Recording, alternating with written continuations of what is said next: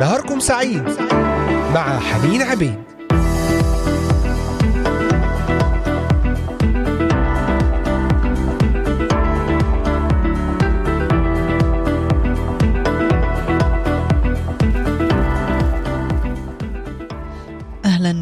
جميعا أحبائي المستمعين أحبائي مستمعي إذاعة صوت الأمل أينما كنتم تستمعون إلينا كل عام وأنتم بألف خير ميلاد مجيد وأمر جديد مبارك على كل أحبائي المستمعين.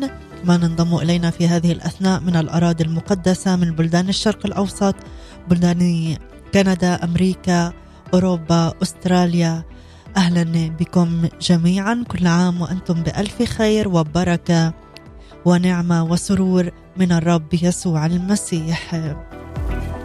أصلي في هذا الميلاد لأجل أمور جديدة تتحقق مواعيد الرب لحياتنا. انتظارا انتظرنا به الرب لأجل أمر معين لأجل بركة معينة لأجل تحقيق خطته. ثق وصدق أننا في هذا الميلاد ومع اقتراب نهاية هذه السنة 2022 واستقبال 2023 يكون أمر جديد في حياتنا. وأصلي أنك من خلال هذا الميلاد وهذا العام الجديد أيضا تتأصل معرفتك وتعرف يسوع بشكل أعمق وليس مجرد قصة نشاهدها خلال فيلم المسيح الذي يعرض في هذه المناسبة أو لربما شاهدته من قبل في مناسبات أو في أيام معينة أو قرأت ولربما تسمع المسيح المخلص المسيح ابن الله المسيح العجيب. لكنك لم تتقابل بعد مع هذا الإله. ولم يعلن لك بالروح القدس أن يسوع المسيح هو ابن الله الكلمة المتجسد. يذكر كثيرا في عيد الميلاد يسوع المسيح ابن الله ابن الله الوحيد ابن الله المتجسد. لقب ابن الله هو من أهم الألقاب المنسوبة للمسيح فهو اسم يسترعي الانتباه. هو اسم يدل على كرامة المسيح وخاصة من جهة الوهيته التي تدل على أنه مؤهل تماما للتحدث عن أمور الله. وهو ما استرعى وجذب انتباه وإعجاب نثنائيل. عندما أدرك مندهشا أن المسيح يعرف ماضيه المستور المخفي فهتف يا معلم أنت ابن الله أنت ملك إسرائيل. في إنجيل يوحنا الأصحاح الأول تستطيع أن تقرأ عن هذه الحادثة. أما المعارضة لطبيعة المسيح الإلهية أصبح متضحا جليا في محاولة التشكيك التي أجراها الشيطان. عندما تحدى المسيح في جبل التجربة قائلا إن كنت ابن الله إن كنت ابن الله فقل لهذه الحجارة أن تصير خبزا وإن كنت ابن الله فاطرح نفسك إلى أسفل. أي من جناح الهيكل العلوي. هذه القصة أيضا نقرأها في إنجيل متى الأصحاح الرابع. هذا حدث أيضا عند إخراج يسوع للشياطين فصرخوا عند خروجهم ما لنا ولك يا يسوع ابن الله أجئت إلى هنا قبل الوقت لتعذبنا؟ أما تعليق الرب يسوع على القصد من موت العازر وإقامته فكان لأجل مجد الله ليتمجد ابن الله فيه. أما اعتراف بطرس عن المسيح بقوله له أنت هو المسيح ابن الله الحي. فيرجع لإدراكه ألوهية المسيح. وصرح يوحنا أنه قصد من كتابة إنجيله لتؤمنوا أن يسوع المسيح هو ابن الله ولكي تكون لكم إن آمنتم حياة باسمه. يجب أن نفهم تعبيري الآب والابن ففي المفهوم العبري للكتاب المقدس أن الآب والابن نظيران متطابقان ومتساويان في الطبيعة والكيان. الآب والابن مرة أخرى نظيران متطابقان متساويان في الطبيعة والكيان. الآب والابن كينونة إلهية طبيعة إلهية. ففي كل مرة يدعو فيها الكتاب المقدس المسيح ابن الله يقصد أن ينير وينبه على حقيقة وأصالة إلوهيته فهو يحمل نفس طبيعة الآب. وكما أن أي ابن بشري تكون طبيعته بشرية مطابقة لطبيعة أبيه هكذا المسيح ابن الله هو مثل أبيه في جوهر طبيعته الإلهية. تلك الطبيعة التي لا يشارك فيها الله أي مخلوق. الآب والابن والروح القدس هم واحد معا في جوهرهم وطبيعتهم وأزليتهم. وهم متساوون في القدرة والمجد. كانوا ولا زالوا موجودين في أقانيمهم الثلاثة المميزة. الآب والابن اسمين ليس بالضرورة كافيين للتعبير الكامل والتام عن العلاقة التي تربط الأقنومين الأول والثاني في الثالوث. لكنهما يبقيان الاسمان الأفضل للتعبير عن هذه العلاقة. هم يعبران عن وحدتهما في الجوهر والطبيعة وعلاقة المحبة بينهما. في ملء الزمان أرسل الله ابنه يسوع المسيح لفدائنا وخلاصنا من خطايانا. نكمل في حديثنا بعد هذه الترنيمة مع فريق الخبر السار في الأعالي مجدك. جئت إلينا في ملء الزمان طفلا جميلا في مزود مولود. لم يعرفوك يا فادي الإنسان وأنت خالق كل الوجود. كنت تقول تصنع الخير وتشفي شعبك. كنت تقول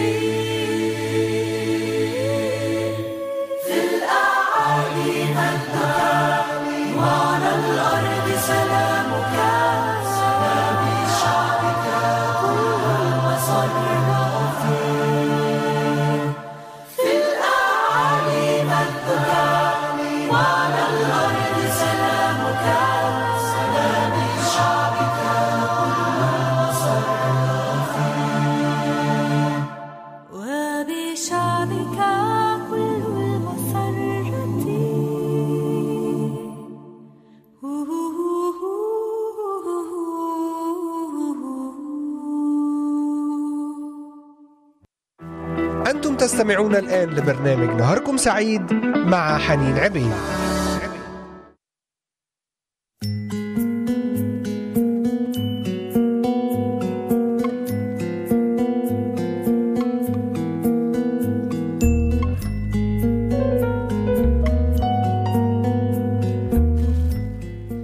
نعم عدنا إليكم أحبائي المستمعين وترحيب وتحية لكل من انضم إلينا في هذه الأثناء.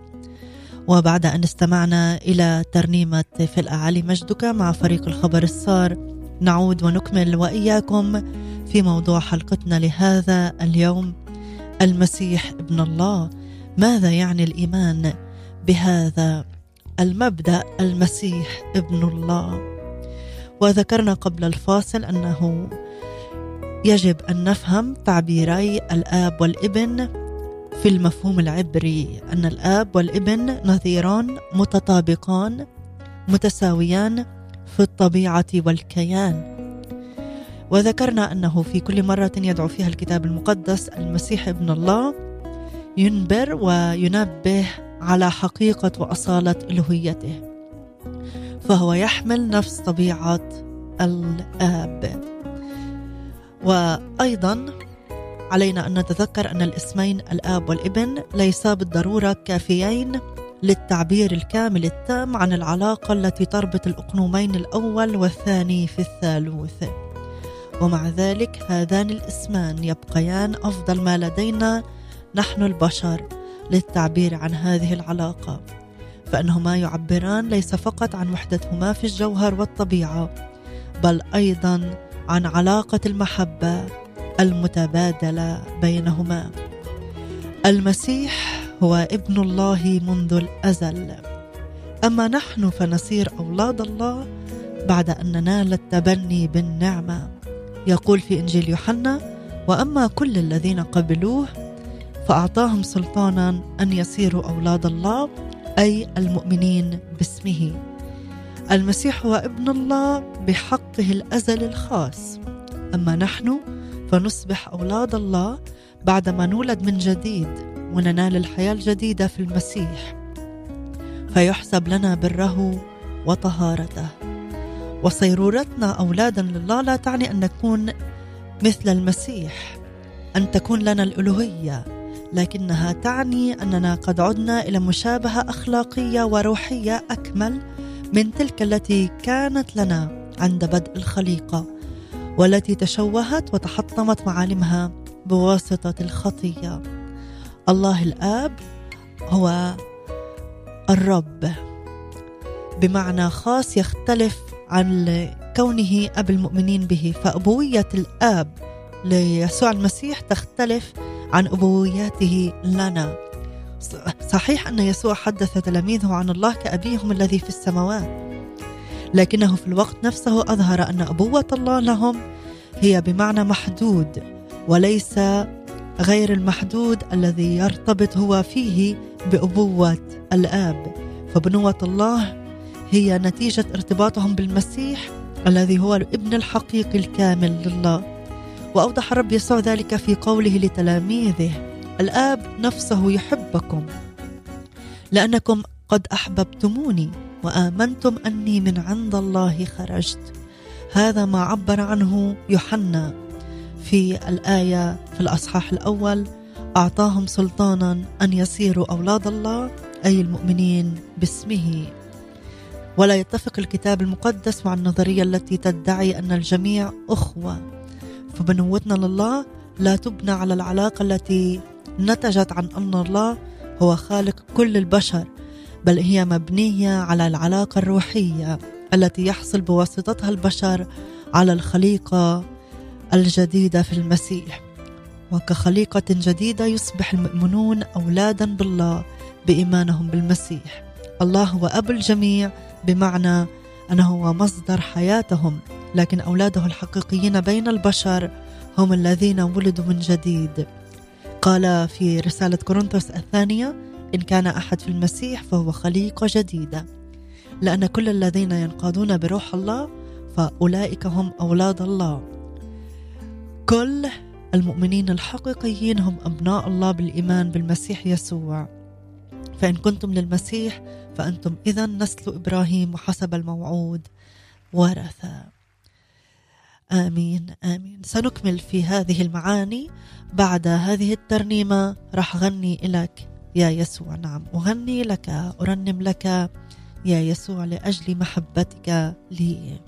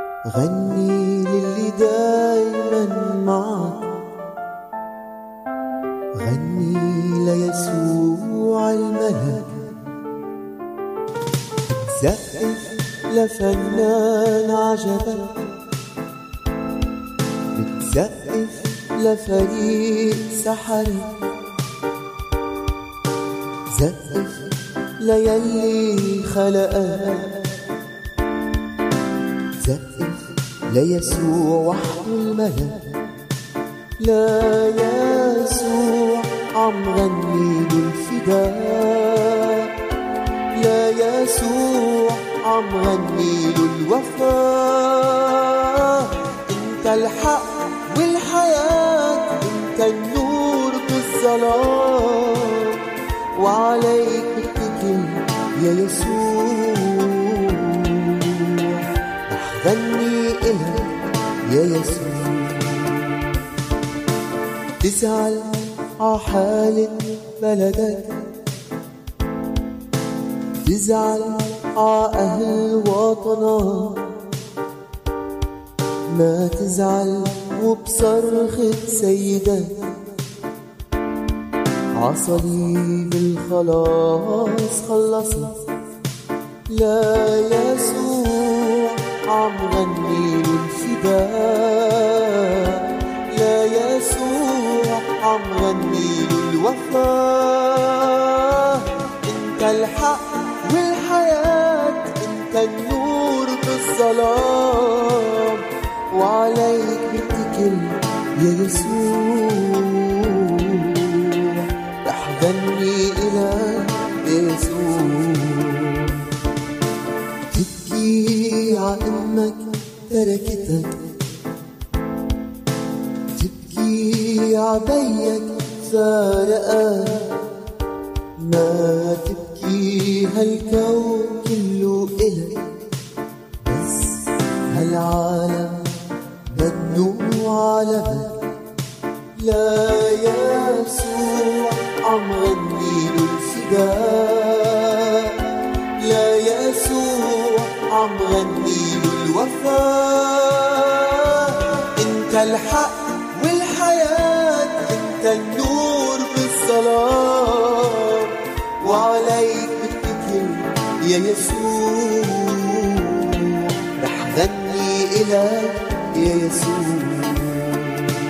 لا يسوع عم غني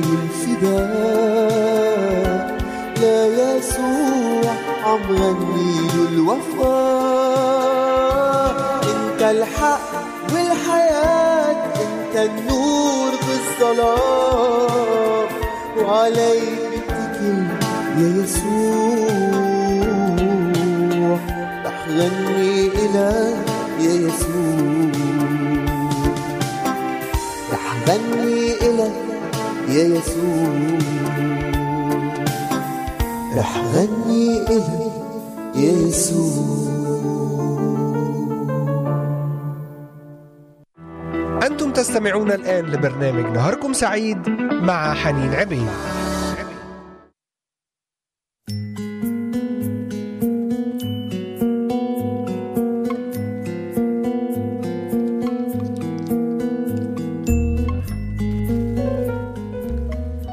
رح غني إلك يا يسوع. نعم.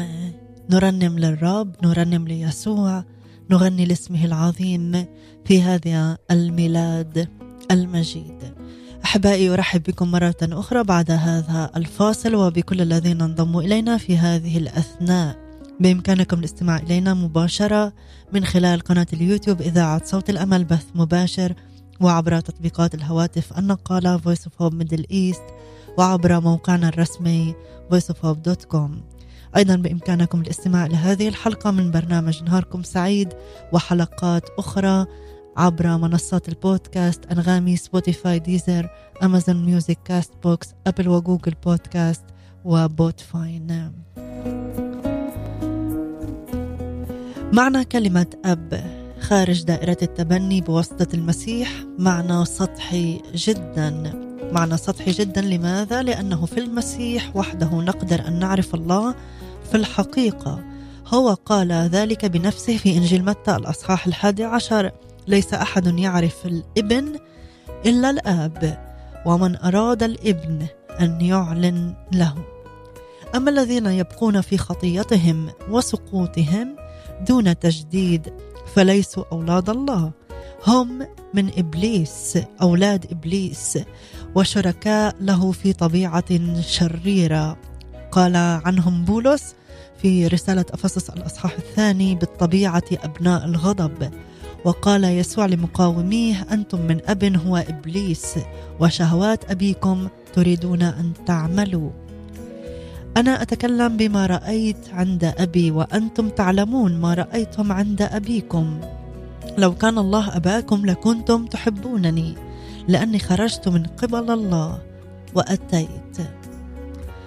أحبائي نعم إما أن تتبع يسوع وتقبل تبعية يسوع وأن تكون ابنا لله بمعنى أن تؤمن بيسوع أنه مخلصك أنه جاء من أجلك أنه ولد من عذراء أنه أتم النبوءات مات على الصليب ليفديك أو تكون مع الشيطان.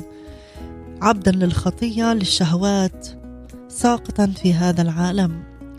قال بولس الرسول لعليم الساحر في هذه القصة في أعمال الرسل الأصحاح الثالث عشر. أيها الممتلئ كل غش وكل خبث يا ابن إبليس يا عدو كل بر ألا تزال تفسد سبل الله المستقيمة كلمات لربما قاسية للوهلة الأولى لكن طبيعة شريرة طبيعة إبليس غش خبث عدو كل بر تفسد سبل الله المستقيمة. لكن عندما نؤمن بالمسيح نصير أولادا لله سبق فعيننا للتبني بيسوع المسيح لنفسه. يسوع فهو ابن الله بنوة أصيلة قال عن نفسه أنا والآب واحد. والذي رآني فقد رأى الآب. ومن لا يكرم الإبن لا يكرم الآب.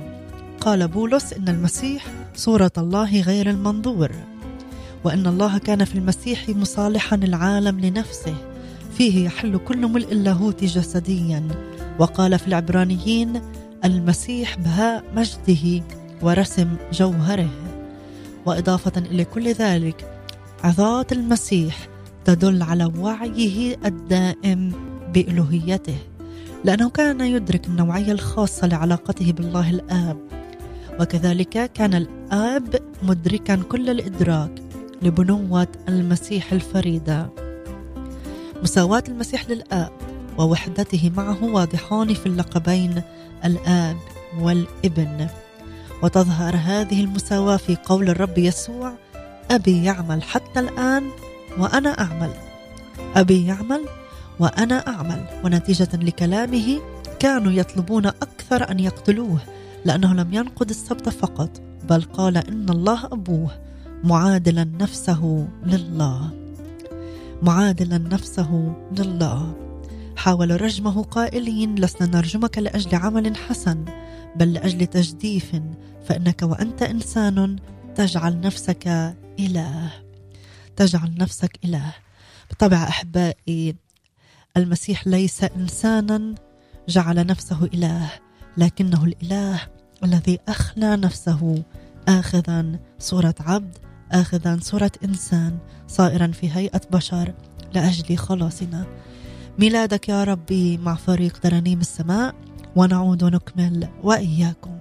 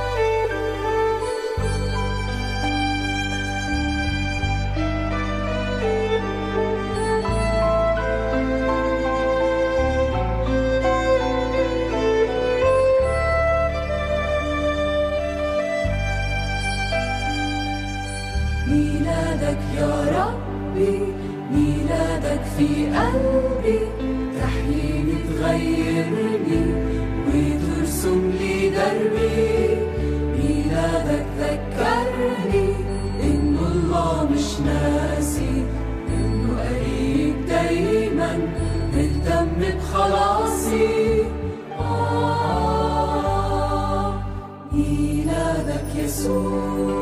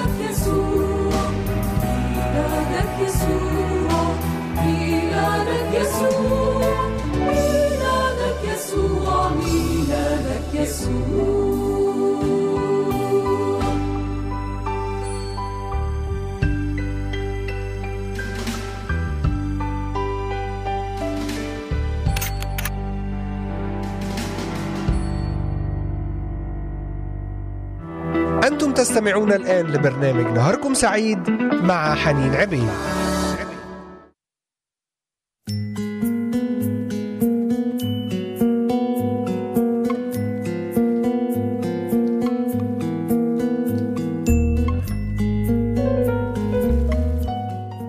نعم عدنا إليكم أحبائي المستمعين بعد هذه الترنيمة ونكمل في حديثنا المسيح ابن الله.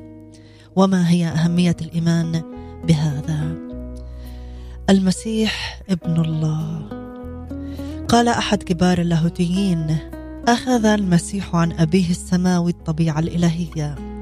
هو أمر متميز ومختلف عن ناسوته ويطلق الكتاب المقدس اسمين على المسيح فيدعوه أحيانا ابن الله واحيانا أخرى ابن الإنسان. والاسم ابن الإنسان يشير إلى أنه من ذرية آدم. ولأنه نموذج لما يجب أن يكون الإنسان عليه. أما تسمية المسيح ابن الله فتشير إلى ألوهيته وكيانه الأزليين. فمن البديهي أن يشير كونه ابن الإنسان إلى طبيعته البشرية.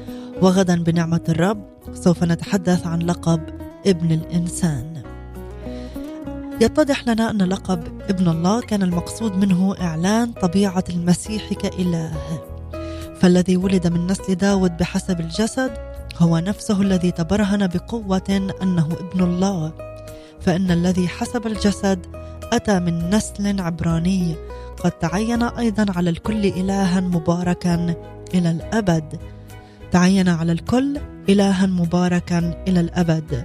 فعلينا أن نؤمن بالابن كما نؤمن بالآب وأن نكرم الواحد كما نكرم الآخر. ما هي أهمية الإيمان؟ بألوهية المسيح؟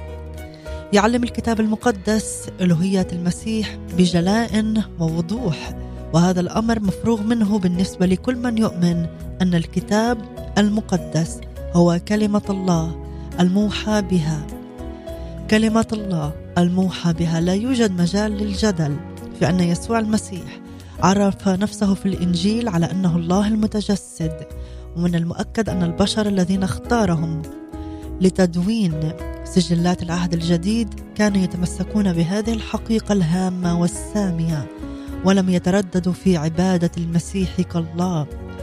ثم أن الكنيسة عبر العصور تمسكت بألوهية المسيح التي تتعبد له. هذا واضح من كافة السجلات من قوانين الإيمان إلى الترانيم الروحية والكتابات التعبدية. ففي كتابات وسجلات كل جيل نجد أن التمسك بألوهية المسيح هو عقيدة لكل من قرأ سجلات الوحي الإلهي وتبنى تعاليمها إنكار ألوهية المسيح واعتباره مجرد معلم أو نبي عظيم يتناقض مع مضمون الكتاب المقدس. إنكار ألوهية المسيح واعتباره مجرد معلم أو نبي عظيم يتناقض مع مضمون الكتاب المقدس. فإنكار تعليم الكتاب المقدس هو يبعد الإنسان عن منبع الحكمة والحق ويدفعه إلى تفسير عقلانية سطحية لأمور لا يفهمها إلا بالحكمة الروحية التي أوحى بها الله. لا أحد يستطيع أن يعلن أن الله يسوع المسيح هو الله إلا بالروح إلا أن يعلن له الروح. ولا أحد يستطيع أن يفهم الكتاب المقدس إلا من خلال الروح القدس. تعال وافتح قلبك اليوم ليسوع ليعلن لك أنه هو ابن الله الذي ولد من عذراء حسب الجسد ليفتدي الذين هم تحت الناموس. هو أطاع حتى الموت حتى يفتديك.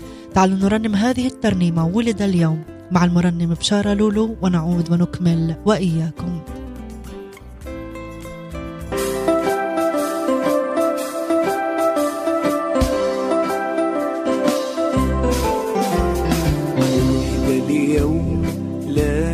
جميعا مخلص اسمه يسوع أتى للعالم ليعلم الحب ويهدي النفوس. ولد اليوم لنا جميعا مخلص اسمه يسوع. أتى للعالم ليعلم الحب ويهدي النفوس.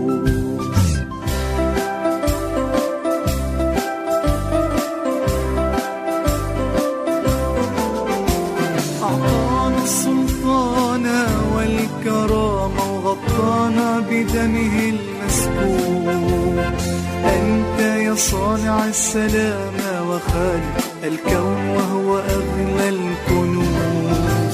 أعطانا السلطان والكرامة وغطانا بدمه المسكوب أنت يا صانع السلام وخالق الكون وهو أغلى الكنوز. علمنا ورعيتنا على درب النجم لوصلات المجوس. ولد اليوم لنا جميعا.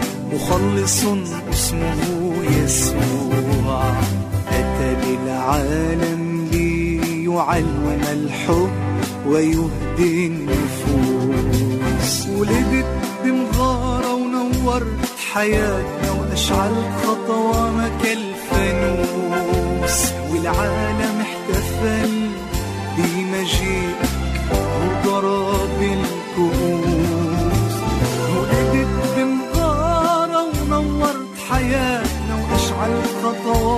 كالفانوس والعالم احتفل بمجيئك وضرب الكؤوس.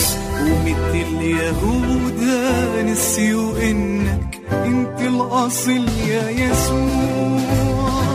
ولد اليوم لنا جميعا مخلص اسمه يسوع. أتى للعالم ليعلم الحب ويهدي النفوس.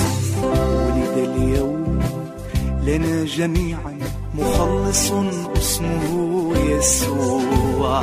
أتى للعالم ليعلم الحب ويهدي النفوس.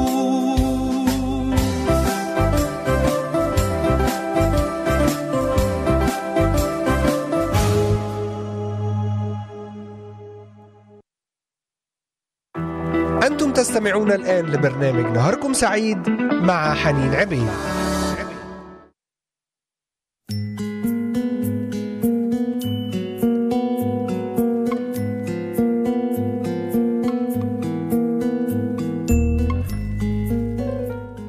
نعم عدنا إليكم أحبائي المستمعين بعد هذه الترنيمة ونكمل في موضوعنا لماذا من المهم أن نؤمن بألوهية المسيح؟ تحدثنا في القسم الأول أيضا أن المسيح هو ابن الله وهذا اللقب ابن الله هو من أهم الألقاب المنسوبة ليسوع المسيح فهو يدل على كرامة المسيح وأنه مؤهل تماما للتحدث عن أمور الله الآب. المسيح ابن الله الذي حدث عن طبيعة الله الذي جسد لنا محبة الله والوهيه الله وطبيعته. إنكار ألوهية المسيح كما ذكرنا قبل الفاصل واعتباره مجرد معلم أو نبي عظيم يتناقض مع مضمون الكتاب المقدس. فإنكار تعليم الكتاب المقدس يبعد الإنسان عن منبع الحكمة والحق ويدفعه إلى تفاسير عقلانية سطحية لأمور يمكن فهمها ولا يمكن فهمها إلا بالحكمة الروحية التي أوحى بها الكتاب المقدس. الحياة بل كل الحياة تكمن في هذا الإدراك الروحي والاعتراف الصادق بألوهية الفادي يسوع المسيح. هذه هي الحياة الأبدية أن يؤمن البشر بالمخلص وعدم وجود هذا الإيمان الكتابي بالمسيح يقود إلى موت روحي أبدي قال في إنجيل يوحنا الأصحاح الثالث الذي يؤمن بالإبن له حياة أبدية. والذي لا يؤمن بالإبن لن يرى الحياة بل يمكث عليه غضب الله بمعنى دينونة الله. الإيمان بالوهيه المسيح حسب الكتاب المقدس أمر أساسي للغاية ويعتبر مقياس التمييز بين الحق والباطل. قال يوحنا أيها الأحباء لا تصدقوا كل روح بل امتحنوا الأرواح. هل هي من الله؟ لأن أنبياء كذب كثيرون قد خرجوا إلى العالم. وكل روح لا يعترف بيسوع المسيح أنه قد جاء في الجسد فليس من الله. وهذا هو روح ضد المسيح الذي سمعتم أنه يأتي والآن هو في العالم. آية مهمة جدا جدا. كل روح لا يعترف بيسوع المسيح أنه قد جاء في الجسد فليس من الله. وقال بولس ليس أحد يقدر أن يقول يسوع رب إلا بالروح القدس. ومعنى هذا أن الذي استنار من الروح القدس يعترف بالمسيح يسوع ربا ومخلصا لأنه آمن بألوهية المسيح. قلها يا رب أريد أن أستنير اليوم بالروح القدس. أريد أن أدرك وأعرف من هو يسوع الرب والمخلص الذي يتأمل بيسوع بعينيه غير المستنيرتين من الروح القدس لا يرى فيه سوى إنسانيته. وقد يصل إلى الإقرار بأن المسيح كان مجرد نبي عظيم وان مبادئه سامية للغاية. لكن هذا غير كافي لأنه نصف الحقيقة وحالما يجدد الروح القدس الإنسان وينير بصيرته الروحية يرى نفسه خاطئا أمام الله محكوما عليه بالهلاك ويرى في نفس الوقت بعين الإيمان الجديدة أن يسوع المسيح هو حقا ابن الله المتجسد الذي صلب لأجل خطاياه وقام من الأموات وهو جالس عن يمين الله الآب بكل مجد وسلطان. قل له يا رب أريد أن تفتح عيوني اليوم لأدرك أن يسوع المسيح هو الله الله الذي ظهر في الجسد. آمين آمين. جيش أملاك السماء تعالوا نستمع إلى هذه الترنيمة ونعود لنختتم حلقتنا وإياكم.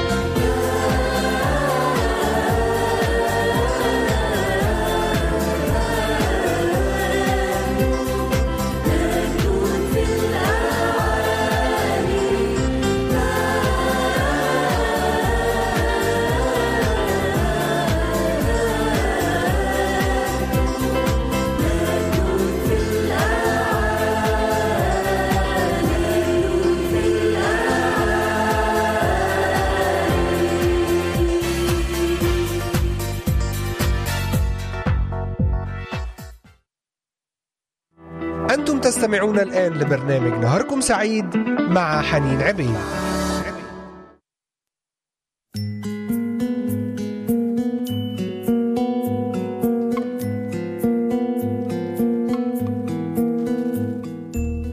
مجد في الأعالي نعم.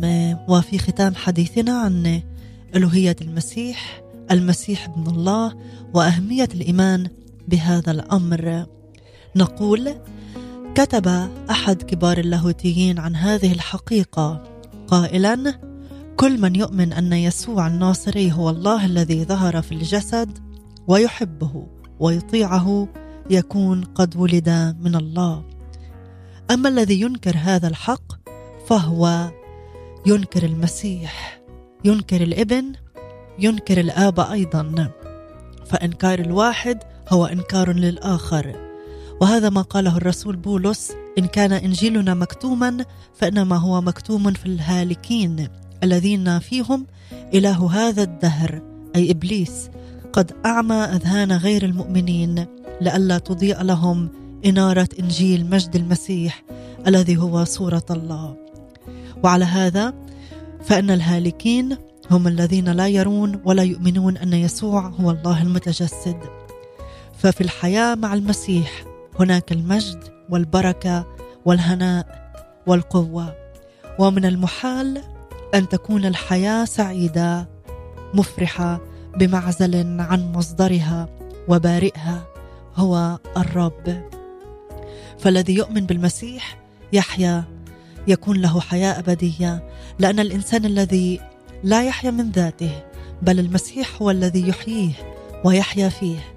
الإنسان لا يحيا من ذاته بل المسيح هو الذي يحييه ويحيا فيه وبذلك يصبح كاملا فيه. فإننا بواسطة الإيمان بيسوع نحصل على الفرح الحقيقي بسبب محبته وافتدائه لنا. قال بولس إن كان أحد في المسيح فهو خليقة جديدة وقال أيضا إن كان أحد لا يحب الرب يسوع فليكن أناثيما بمعنى مرذول فإنكار ألوهية المسيح ورفض قبوله مخلصا شخصيا وعدم محبته والثقة به وعبادته وخدمته كإله هي أسباب دينونة الله على الذين يسمعون الإنجيل ويرفضونه. فإن الذي يؤمن بالإبن له حياة أبدية والذي لا يؤمن بالإبن لن يرى حياة بل يمكث عليه غضب الله. أحبائي في الختام وبينما ما زلنا نحتفل في الميلاد المجيد واصلي أن تقبل يسوع الإبن المتجسد الله الذي ظهر في الجسد. قلها يا رب أنا أفتح قلبي بعد أن سمعت كل هذا الكلام. يا رب انر بصيرتي وانر قلبي وانر كياني لكي لا يكون مجرد كلام أو تعليم بل أؤمن به أحب يسوع وأطيع يسوع وأعبد يسوع في هذا الميلاد وفي بداية السنة الجديدة. أكرس حياتي له أقضي بقية عمري له أفتح قلبي له سلمه بيتي وحياتي وكل ما لي باسمه العظيم. آمين. افتح يا رب العيون والآذان لكل من استمع إلينا اليوم. يا رب أعلن ذاتك الإله المتجسد. لكل من يبحث عن هذا الحق لكل من يتخبط في هذه الحقيقة ويشك بها. أنت الحق والحياة أنت الطريق أنت النور. يا رب انر كل ظلمة. أيضا يا رب نصلي من أجل كل احتياج لشفاء لأجل كل احتياج لبركات مادية لأجل كل أمور في النفس أحزان أتعاب. يا رب تعالى أنت المريح أنت يسوع الذي تخلص. ليس فقط من الخطية لكن من كل هم وتعب. باسم يسوع المسيح آمين آمين. احبائي أشكركم على حسن المتابعة والإصغاء وسنكمل غدا كما ذكرت بيسوع ابن الإنسان. ماذا يعني هذا اللقب؟ وسنعرف أكثر خلال حلقة الغد. لذلك تابعونا عند الواحدة بنعمة الرب بتوقيت القدس. تعالوا نختتم مع فريق التسبيح يسوع المسيح ابن الله الوحيد. بركة الرب معكم. إلى اللقاء. يسوع المسيح.